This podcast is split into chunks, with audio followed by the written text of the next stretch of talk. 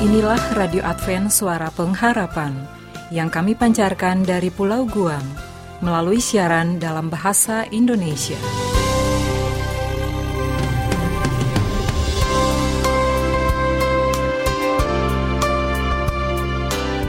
Salam sejahtera kami ucapkan kepada Anda di seluruh Nusantara.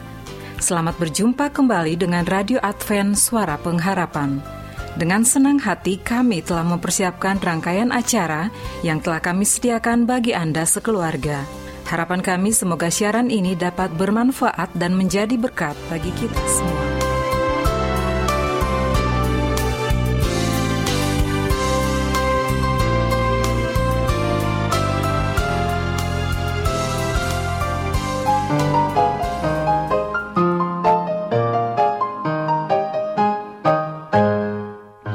Pendengar Radio Advent Suara Pengharapan yang budiman di mana pun Anda berada, kita bertemu kembali dalam ruang komunikasi rumah tangga. Acara ini akan membahas banyak tentang komunikasi rumah tangga. Persembahan khusus bagi keluarga Indonesia. Acara ini diasuh oleh seorang pakar komunikasi keluarga, Dr. Niko JJ Koro. Ia akan didampingi oleh Ayura Yosep Manik. Selamat mendengarkan, Tuhan memberkati.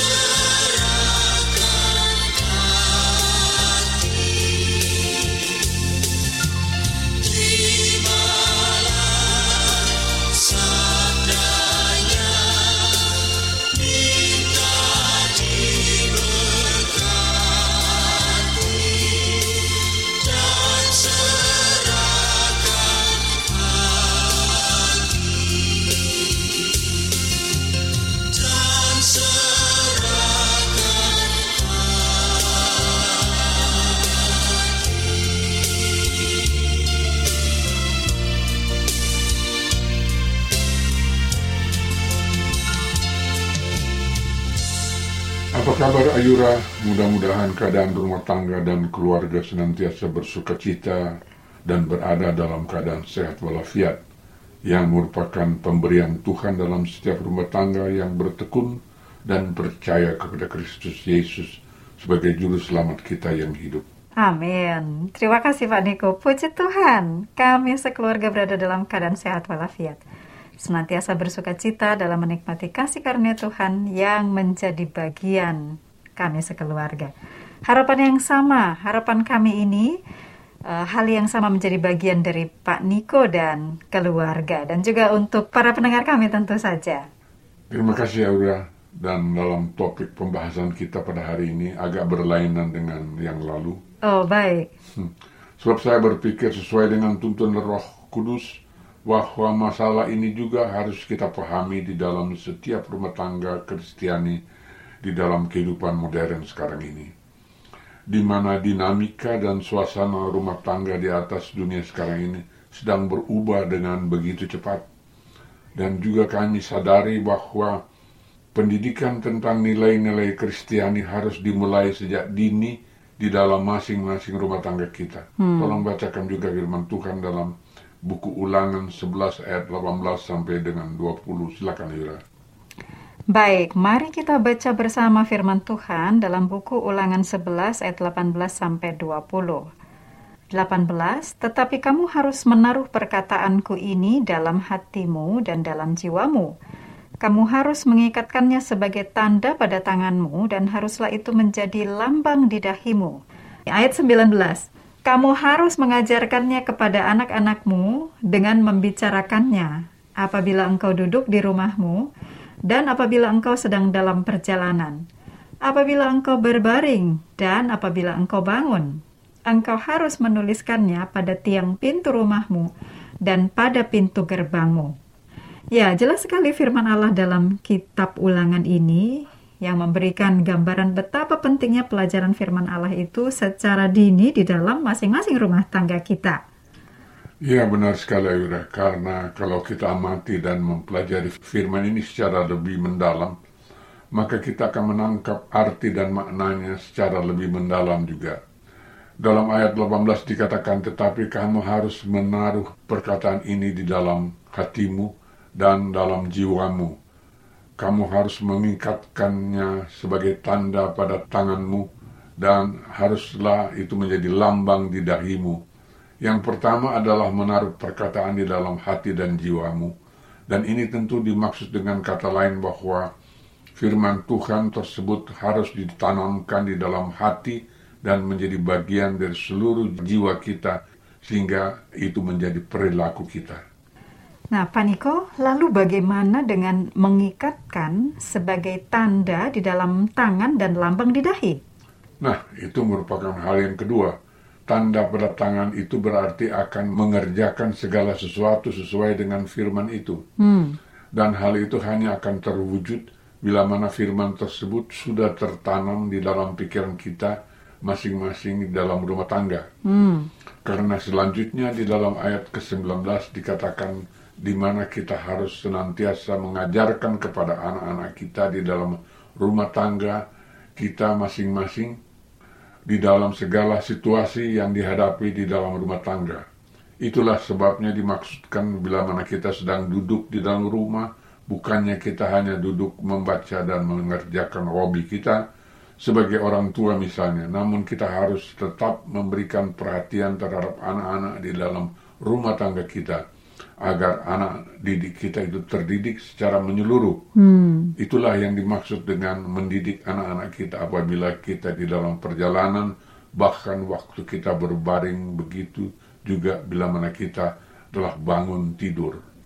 Ya, benar sekali. Saya kira itulah maksud secara keseluruhan dari firman Tuhan dalam kitab ulangan 11 ayat 18 sampai 20. Demikian ya Pak Niko? Ya, benar sekali Aura. Memang tugas mendidik anak-anak kita di dalam rumah tangga secara dini merupakan suatu tugas mulia dan sangat komprehensif bagi setiap orang tua di dalam rumah tangga Kristiani. Tolong bacakan juga firman Tuhan dalam kitab ulangan 6 ayat 4 sampai dengan 7. Silakan Yura. Baik, para pendengar, mari kita lanjutkan ulangan 6 ayat 4 sampai 7. Dengarlah hai orang Israel, Tuhan itu Allah kita, Tuhan itu Esa. Kasihilah Tuhan Allahmu dengan segenap hatimu dan dengan segenap jiwamu dan dengan segenap kekuatanmu. Apa yang kuperintahkan kepadamu pada hari ini haruslah engkau perhatikan. Haruslah engkau mengajarkannya berulang-ulang kepada anak-anakmu dan membicarakannya apabila engkau duduk di rumahmu, apabila engkau sedang dalam perjalanan, apabila engkau berbaring, dan apabila engkau bangun. Jadi, di dalam ayat ini lebih jelas lagi bahwa pelajaran firman Tuhan dalam rumah tangga harus diajarkan berulang-ulang kali. Ya, memang pelajaran yang berulang-ulang ini sering menjadikan suatu pelajaran dalam rumah tangga seolah basi, begitu ya, Pak Niko? Namun maksud Tuhan agar pelajaran firman Tuhan secara dini memang harus dilakukan berulang kali. Ya, sudah ya sudah menikah lebih dari 50 tahun dan memang harus diakui sering sang ayah dalam rumah tangga tidak sabar dan sering melampiaskan ketidaksabarannya itu kepada anak-anak didik di dalam rumah tangga. Tolong bacakan juga firman Tuhan dalam Efesus 6 ayat 4 silakan Yura. Ya, dan saya kira yang berikut ini adalah anjuran kepada bapak-bapak ya dalam rumah tangga. Ini dituliskan dalam Efesus 6 ayat 4. Namun, saya akan bacakan ayat ini setelah kita semuanya uh, menerima berkat melalui lagu pujian yang berikut ini. Para pendengar dan semua yang mendengarkan bersama dengan kami saat ini, mari kita ikuti bersama lagu pujian yang berikut ini.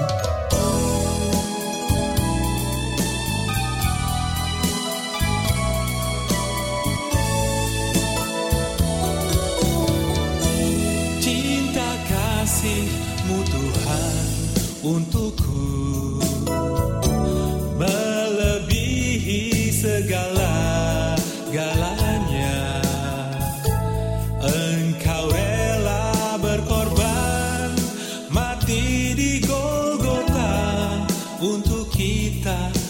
manusia. Engkaulah yang ku sanjung. Oh Yesus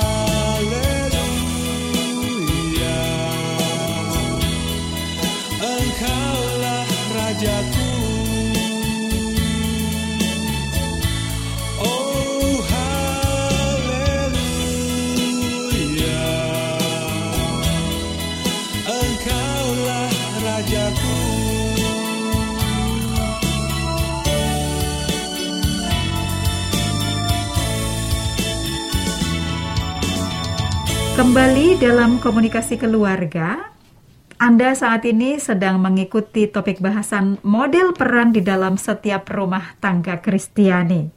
Tadi sebelum lagu, Pak Niko sudah mengajak kita untuk membaca ayat dalam Efesus ya, dan saya uh, lihat ini adalah uh, ditujukan kepada bapak-bapak dalam rumah tangga. Baik, kita baca bersama Efesus 6 ayat 4. Dan kamu, bapak-bapak, janganlah bangkitkan amarah di dalam hati anak-anakmu, tetapi didiklah mereka di dalam ajaran dan nasihat Tuhan. Ya, benar sekali dalam firman ini dengan jelas diungkapkan bahwa mendidik anak-anak dalam rumah tangga bukanlah dengan penuh emosi dan amarah, tapi harus tetap mendidik di dalam ajaran dan nasihat Tuhan. Ya, terima kasih Ayura. Oleh karena itu di dalam ilmu pendidikan sering ditekankan bahwa di dalam mendidik anak-anak di dalam rumah tangga tentu ada berbagai cara yang dilakukan yang pada umumnya dilakukan dengan dua cara yang populer. Pertama dengan cara otoriter atau dengan cara militer dan yang kedua adalah dengan cara persuasif dan ada juga dengan cara menggabungkan cara pertama dan yang kedua. Tetapi ada juga cara seperti diajarkan dalam firman Tuhan Tolong bacakan juga firman Tuhan dalam 1 Petrus 5 ayat 3, silakan Ayura. Baik, kita baca bersama 1 Petrus 5 ayat 3. Janganlah kamu berbuat seolah-olah kamu mau memerintah atas mereka yang dipercayakan kepadamu, tapi hendaklah kamu menjadi teladan bagi kawanan domba itu. Jadi memberikan teladan kepada anak didik kita di dalam rumah tangga sebab memang mereka adalah anak-anak didik yang dipercayakan kepada sang ayah dan bunda dalam rumah tangga. Begitu ya, Pak ya. Niko? Memang memberikan teladan dalam istilah manajemen pendidikan disebut dengan role modeling atau model peran. Jadi kita memberikan teladan kepada anak-anak kita bagaimana harus melakukan sesuatu tugas atau pekerjaan di dalam rumah tangga saya sendiri sebagai contoh, saya pun telah diajar oleh ibu saya bagaimana memasak nasi dari dan lauk pauk sejak saya berada di dalam kelas 6 SD. Oh, luar biasa.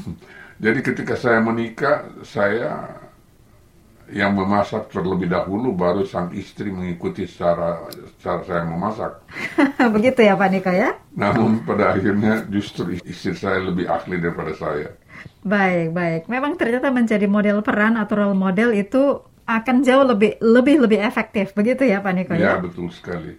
Memang seharusnya demikian dan tolong bacakan juga firman Tuhan dalam Yohanes 13 ayat 15. Silakan Yura. Baik, mari kita bacakan firman Tuhan dalam Yohanes 13 ayat 15. Sebab aku telah memberikan suatu teladan kepada kamu, supaya kamu juga berbuat sama seperti yang telah kuperbuat kepadamu. Ya, secara garis besar Yesus telah memberikan contoh kepada kita manusia apa yang harus kita perbuat. Dan selama kehidupan Yesus, ia tidak pernah melakukan hal-hal yang menyakiti hati orang lain. Bahkan Yesus tidak pernah melakukan perbuatan dosa. Baik, eh, para pendengar, eh, ini tentu saja sangat menarik, namun karena terbatasnya waktu, maka kita akan eh, akhiri lebih dahulu topik bahasan kita tentang model peran di dalam setiap rumah tangga Kristiani. Kita akan berjumpa lagi dalam pertemuan berikutnya, topik pembicaraan yang sama minggu mendatang. Kiranya Tuhan senantiasa menyertai kita semua dan terima kasih untuk perhatian Anda. Dan narasumber kita, Pak Niko, terima kasih sudah mengangkat topik ini. Kali ini kiranya Pak Niko juga akan menutup di dalam doa uh, topik bahasan kita. Kami persilahkan. Terima kasih, Yura. Baiklah saudara-saudara kita, para pendengar Radio Advent, suara pengharapan di mana pun Anda berada bersama keluarga pada saat ini. Marilah kita sama-sama tunduk kepala dan berdoa. Bapa kami di dalam sorga, kami bersyukur dan berterima kasih kepadamu atas berlimpahnya kasih karunia yang engkau anugerahkan kepada kami, keluarga pendengar Radio Advent Suara Pengharapan. Dan kiranya apa yang telah kami bicarakan hari ini boleh tertanam di dalam hati sanubari para pendengar Radio Advent Suara Pengharapan bersama-sama rumah tangga dan keluarga masing-masing. Tolong dengarkan seruan dan doa kami ini yang kami angkat hanya melalui nama yang indah, yakni Yesus Kristus, Juru Selamat kami yang hidup. Amin. Amin.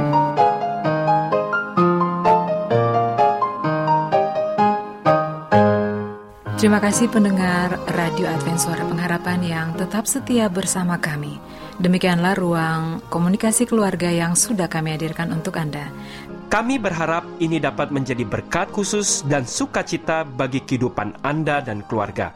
Bila Anda mempunyai pertanyaan mengenai komunikasi keluarga, saat ini Anda dapat langsung menghubungi narasumber kita, Dr. Niko JJ Koro, melalui telepon atau SMS di 0813 1806 5638. Saya ulangi 0813 1806 5638. Sampai bertemu kembali dalam program yang sama minggu depan. Semoga acara ini bermanfaat bagi Anda semua. Sampai jumpa. Tuhan, memberkati. memberkati.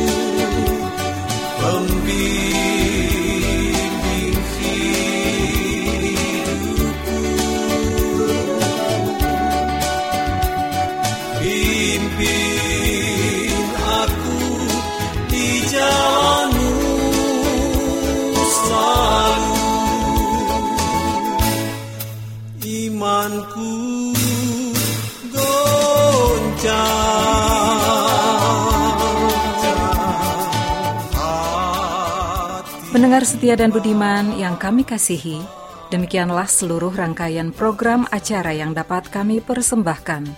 Apabila Anda mempunyai pertanyaan atau Anda ingin mengikuti pelajaran Alkitab Suara Nubuatan, Anda boleh menghubungi kami dengan mengirimkan surat ke Radio Advent Suara Pengharapan, PO Box 8090 Jakarta 12810 Indonesia atau email ke awrindonesia@yahoo.co.id. Telepon 0821 1061 1595. Anda juga dapat bergabung di Facebook kami, pendengar Radio Advent Suara Pengharapan. Juga Radio Advent Suara Pengharapan. Terima kasih kami ucapkan bagi Anda semua pendengar kami yang setia. Kita akan bertemu kembali pada waktu dan gelombang yang sama pada esok hari. Salam kasih dan sejahtera. Kiranya Tuhan memberkati kita semua. badai mengamuk